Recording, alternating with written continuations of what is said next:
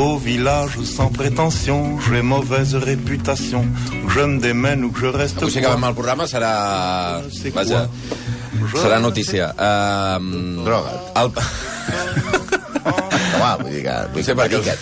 no sé per què us ho dic. Medica't, medica't. Jo no sé per què deixo, Medica't. deixo reflexions a l'aire d'aquesta manera, perquè sempre hi ha algú rematar-la. Bé, um, mira, m'ha passat que, que em vaig fer la gran pregunta. Quan em veu dir que parlaríeu de Pulitzer, és qui era Pulitzer? Qui era Pulitzer? Mm. Pulitzer. Pues Pulitzer és, és diguem-ne, ha passat a la història com l'inventor del periodisme escrit modern, l'home que va revolucionar la premsa, a- a- el, el, tothom coneix a Pulitzer pels pre, els premis que porten el, el seu nom, mm. els premis que són molt prestigiosos, una mena de premis Nobel de la premsa, no? El seu cognom, per tant, està associat a la qualitat periodística, a la bona tasca de l'ofici, però que realment va inventar Pulitzer va ser la premsa groga i el menyspreu absolut de la veritat. Per, per, perquè us entengueu, no? Us imagineu uns premis de futbol al Fair Play, que es diguessin Premi José Mourinho. Dius, hòstia, no? Premi al millor actor del món, que es digui Ronald, Premi Ronald Reagan. Doncs els premis Pulitzer de periodisme, el premi de la música Kiko Rivera. No sé, com si dius Premi Pulitzer al periodisme seria, si dius que sigui Premi Paco Marguenda. Però tant? Sí? Sí, sí, sí, sí. Era un home mentider, manipulador, xacatero, molt colèric, una mala peça, eh, en general, eh?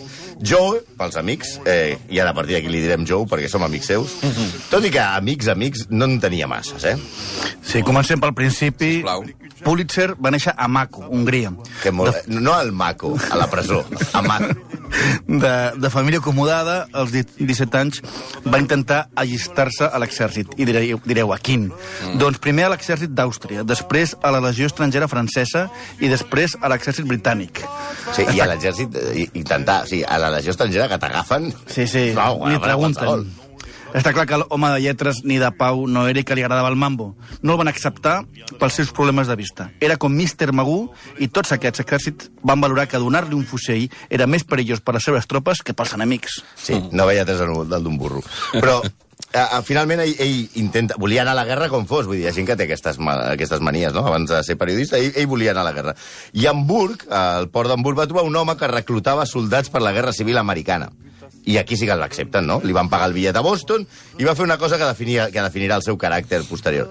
Els soldats americans, els rics, també passava aquí a, a Espanya, eh? Mm -hmm. podien demanar ser reemplaçats per un soldat estranger. Què Això- dius? Sí, és a dir, tu, a tu et cridaven per, un altre. per anar a la guerra i tu deies, vale, jo pago, però perquè vagi un altre en el meu nom. Ostres. Això aquí també passava, a les guerres d'Àfrica també també passaven, no? I, eh, I ell va dir, pues, això. Però el que passava és que els soldats estrangers cobraven la meitat que un soldat americà, cobraven 100 dòlars i un soldat americà cobrava 200. Aleshores ell, eh, el nostre Joe, es va negociar amb una família rica americana per substituir el seu fill a canvi de que ells li paguessin la diferència als altres 100 dòlars. És a dir, l'estat li pagava 100 dòlars i ell va dir-li a l'altra família, "Veu, el nen no anirà a la guerra, ja vaig jo, que, que no veig tres en un burro, i sí, van dir, aquest tio no durarà massa. Però li em quedo al 100. Sí, sí. I tota aquesta negociació la va fer sense parlar anglès, o parlant anglès, com Sergio Ramos. Ah. We hope all of you had a great time playing football at Real Madrid conditions. Merry Christmas. Morri Christmas. Ja no me'n recordava la música aquesta. Morri Christmas. El, el que passa és que, a diferència de Sergio Ramos, Pulitzer és un gran lector. I ha deixat tota la poca vista que li queda estudiant cada dia a la biblioteca per aprendre anglès. Mm. Això va ser un cop acabada la guerra, perquè en tota la guerra la va fer sense parar una paraula en anglès. Molt Això, útil, eh, com a soldat. Sí. Això dona una idea del nivell que, s'exigia als soldats en aquestes juergues. Recordem que el nostre amic Pulitzer va servir sota les ordres de l'execrable general Sheridan, que ja va ser un dia en el seu, quan van parlar de, en el seu dia quan parla de Caster, i Sí. que és l'autor de la famosa frase l'únic indi bo és l'indi mort. Ai, sí. Otoe sensibilitat. Sí, bo. Otoe. Otoe. Otoe, el dia de l'Otoe. Després de la guerra i de fer diversos treballs molt honorables, com el de cambrer, entra a treballar al diari Wesley's Post, que era propietat... Sí, no, no, no sé, es diu així, Wesley's Post. Wesley's Post. Sí, que era propietat d'uns alemanys i ja s'escrivia en alemany. Vull dir, Ah. i és una cosa molt curiosa que als Estats Units es, es seguia... I es distribuïa en alemany en, en per alemany, Estats Units. Sí, sí, sí, Mm. per, la, per la comunitat alemanya. I es va forjar com a periodista, no? Va anar perfeccionant el seu anglès a una velocitat de vertigen i en poc temps el tio que tenia... Llavors, poc... si era, perdona, eh? Ara, ara quedarà fatal, eh? Però si era uh, un diari alemany, devia ser Westliche Post. Oh, això volia dir. Imagina't, Molt eh? bé, Què molt et bé. sembla? Menys mal que tenim el Xavi aquí, eh? realment. Ha no, dit, no, m'ho ha dit un oient. Ja. però, però t'ho ha dit ben dit. Sí, home, m'ho ha posat així com s'escriu. Ah, vale, molt bé. Pues, pots donar-ho a dir, sisplau? Westlische. Westliche Post.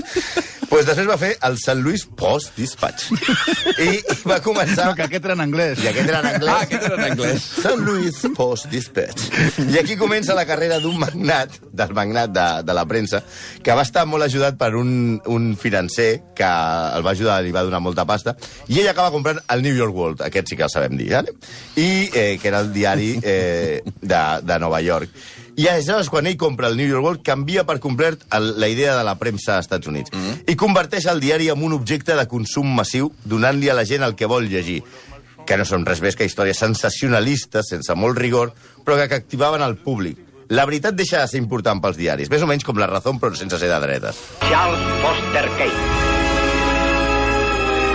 Ah, clar, que això es diu Ciudadano Kane. És a l'època, eh? Hi ha un enfrontament entre el Clar, personatge... clar, diguem-ne. perquè sempre que hi ha un Cristiano Ronaldo, sempre apareix un Messi, no sabem si amb l'equip o sense l'equip, Sí. per disputar-li el Amb tron. sentit comú en tot cas. I en aquest cas, diguem-ne que, que, el, que el Messi era William Randolph Hearst, que va acabar sent el magnat periodístic més gran del país, en desenes de diaris, revistes i ràdios, i que va inspirar, efectivament, Orson Welles per la seva pel·lícula Ciutadà Kane. Mm. La guerra entre els dos magnats es va acarnissar com una guerra de supervillanos de còmic. Ara que està tan de moda parlar de notícies falses, aquests dos pollastres van inventar el concepte de la post-veritat molt abans de que Trump digués allò de que amb els russos havia d'anar en compte, que l'ordinador, que si poses com a clau 1, 2, 3, 4, te la foten, etc. No, clar, és que Trump, Trump acaba de descobrir la sopa d'all, eh? Sí, cuidao si vas de putes a un hotel a Rússia, que igual te filmen, eh? Ai, per favor. Eh, molt bé. Va. La guerra entre Hearst i Pulitzer era una obsessió malaltissa per amb dos, una qüestió personal. Eh, Competien en tot, en notícies, en veure qui mentia més, es boicotejaven les rutes de distribució del diari, feien que els xavals que repartien els seus diaris respectius es paguessin amb els de la competència, no amb els Oscars i la No, dansa, no? amb els altres. Amb els altres, amb, amb els de l'altre Es diari. pagaven? Es pagaven. Sí, sí, ells, ells exigien als repartidors aquests... A, Dale, noticia, dale. noticia, A este dale. ha salido, ha salido el New York World. I l'altre tenia el New York Post. No, pam, a hòsties. A hòsties, al mig del carrer. Sí, sí, es robaven, i es robaven, la competència tal que es robaven els periodistes d'un a l'altre, eh, i fins i tot la, la, el gran, la gran crisi va arribar perquè es van robar els ninotaires, els que feien els acudits. Oh, clar. Sí, de fet, el, el terme mm, periodisme groc o premsa groga neix a la disputa per la tira còmica de Yellow Kid, que tenia moltíssim èxit. Hearst va robar el dibuixant perquè dibuixés pel seu diari, però Pulitzer va seguir publicant les tires, al principi perquè les tenia ja contractades i després va agafar un altre dibuixant perquè fes la mateixa tira. És a dir, Yellow Kid sortia als dos diaris al mateix temps. Alhora? Alhora, sí, en dos diaris. Ostres. És com si Forges sortís al País i al Mundo, que encara que sembli el mateix diari, són dos diaris diferents. Sí, això és veritat. En el marc d'aquesta competència tan ferotge, van trobar el camp de batalla perfecte, on, on, on van disputar com gorrino en xarca. L'explosió del cuirassat Maine a Cuba. I, i que va provocar, va provocar la, la guerra eh, hispano mm, Estats Units-Espanya mm -hmm. per, per Cuba, no? les colònies i tot això. Els dos van manipular mentir, inventar notícies, fins que l'opinió pública va estar totalment perdó, a favor de la guerra contra Espanya. Es pot dir que la seva competència insana, sens dubte, per entrar en guerra, perquè, a més a més, cobraven de les empreses d'armament i sabien que una guerra multiplicaria les vendes dels seus diaris. Llavors van dedicar-se a inventar totes les associacions i van provocar clarament el conflicte des dels diaris de Hearst i de Pulitzer. Sí, l'11M, l'àcid bòric, les motxilles, l'orquestra Mondragón i els milions eh, de tries a Suïssa, això és periodisme con contrastat al costat del que van publicar aquests diaris. Per si fos poc, Pulitzer va ocultar que la majoria de les forces de cavalleria que van guanyar les batalles decisives a la guerra amb Espanya eren afroamericanes, pels de l'ESO com Beyoncé o LeBron James. Mm. Segons es diu, ens ha preguntat per aquesta ocultació, va dir que si la societat s'assabentava de tal cosa, potser canviava de bàndol. Sí, a mi una mica racista també tenia... Sí, sí, també... sí, es nota. Per exemple, un, un, altre, un altre exemple de, del que va fer Pulitzer en aquells dies. Va inventar-se que la tripulació sencera de mariners espanyols destacats a Cuba d'un vaixell va violar una ciutadana americana. Era totalment mentida, això no va existir mai. Tot valia perquè l'opinió pública de, dels Estats Units forcés el govern a entrar en guerra contra els alegres companys del meu avi, que els, els pintaven com a uns, uns veritables sàtrapes i uns degenerats. I No? va haver-hi guerra al final. Al final va haver-hi guerra. Els americans es van quedar a Cuba, la van convertir en el bordell i el casino durant mig segle fins que Castro es va carregar a Batista. Els espanyols, això sí, ens va quedar les habaneres, Yo no lamentablement. puedo comprender Escolta, que les habaneres estan molt bé. Això ho diràs tu. No, i tant, que ho dic jo. Digues, digues, Malcolm. Doncs aquesta cançó que sona, que es Sí. diu Com se pueden querer dos mujeres a la vez? Pues, com era la vida personal del nostre home? Doncs el Brètol tenia dues xicotes al mateix temps. Ah, molt bé. Bueno, Kate això. Davis, si és que hi ha una cosa als sexacalbes que tu ets una mica bigams, no? Sí. Kate Davis i... Digue'ms en el... En el, Sí, en el, sí. en el, en el, Tots en el directament pederastes. Sí, sí, sí. Kate Davis es deia una i l'altra es deia Nanny Tunstall. S'havia de casar amb alguna i sembla que els seus sentiments estaven més a favor de Nanny que no pas de Kate. Però Kate venia d'una sentada família protestant i això l'ajudava a diluir el seu origen jueu, del que sempre va voler eh, renegar. Malgrat els seus set fills amb ella, També tots els assegrables tenen una gran producció seminal, eh? Sí. malgrat el seu... Totalment mai d'acord.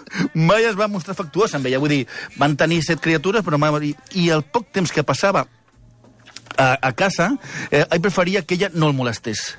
Tampoc va ser molt amorós amb el seu germà Albert, el qual va tenir uns dies a casa, però el qual va fotre fora per no ser una, això és literal, persona de profit.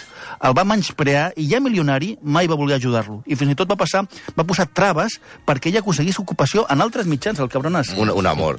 I, I això que estem parlant d'un home eh, que, que a l'època que era absolutament milionari, Sí. i, i, però Pulitzer eh, ja m'ha explicat que tenia molts problemes de vista, a, a, quan ella és milionari i dirigia el diari, era pràcticament sec, no, Ah, sí? no, no hi veia. Dirigia el diari per telèfon o, o des, per telegrama des de la seva mansió de Maine o des del seu iot. I aquesta discapacitat va fer que la guerra periodística que mantenia en Hearst acabés sent guanyada per l'estrafolari magnat aquest d'Ors, que el ciutadà Kane, que va demostrar encara tenir menys escrúpols que el seu rival. I, de fet, ja van comentar que Hearst, eh, la figura, és una figura execrable. Vull dir, us recordeu que quan van fer l'execrable de Chaplin, eh, Hearst és un tio, es va carregar a, a Thomas Innes, un director de cinema, perquè fa- ell volia matar a Chaplin, perquè s'estava beneficiant a Marion Davis, que era la seva nòvia, i Marion Davis tenia sembla que 19 anys i ella en tenia 75, també mm. una altra de la carn poc feta.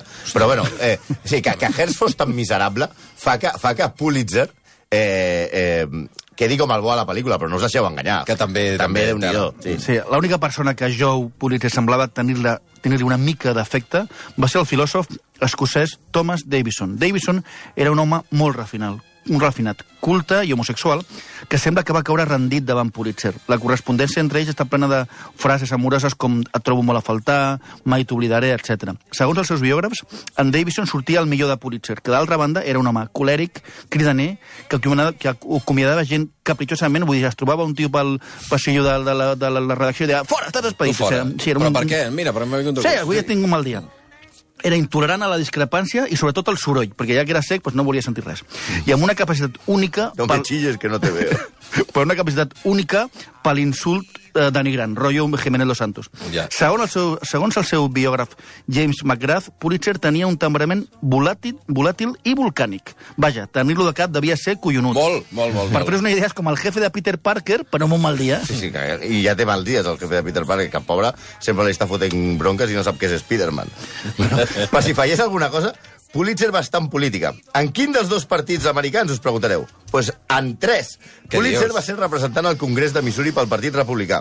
Com no li agradava a Ulisses S. Grant com a candidat a president, s'allista al recentment creat Partit Liberal Republicà amb la intenció de presentar el seu amic i també editor de diari Horace Greeley a, a, a la, a, al Congrés. Greeley va perdre davant Grant perquè Pulitzer, en lloc de deixar la política, es va fer militant i delegat del partit que quedava, el demòcrata. O sigui que va anar fent un gran gir. Va anar compar- saltant. Sí, el canvi de Jorge Bestringe d'Aliança Popular a Podemos no és res comparat amb el d'aquest tio, eh? Sí, gran, gran part de la, de la bona fama que té Pulitzer eh, eh, ve dels premis de periodisme. Un premi que venia a premiar tot això que no va practicar en els seus diaris, on el rendiment econòmic, la distorsió de la veritat, la magnificació dels escàndols i eren sexuals millor, i la proliferació d'històries de crims i molta eh, sang i fetge van ser la seva bandera. És per això que, per imagineu-vos, que quan el 1892 Pulitzer ja li va oferir al president de la Universitat de Colòmbia, que es deia Sid Lowe, eh, no Sid Lowe, com el nostre company del The Guardian, sinó Sid Lowe, finançar la seva primera escola de periodisme al món, els de la universitat li van dir que ni parlar-ne. Que no. Van rebutjar els diners i van dir que no volien tenir res a veure amb aquesta mena de gent com Pulitzer,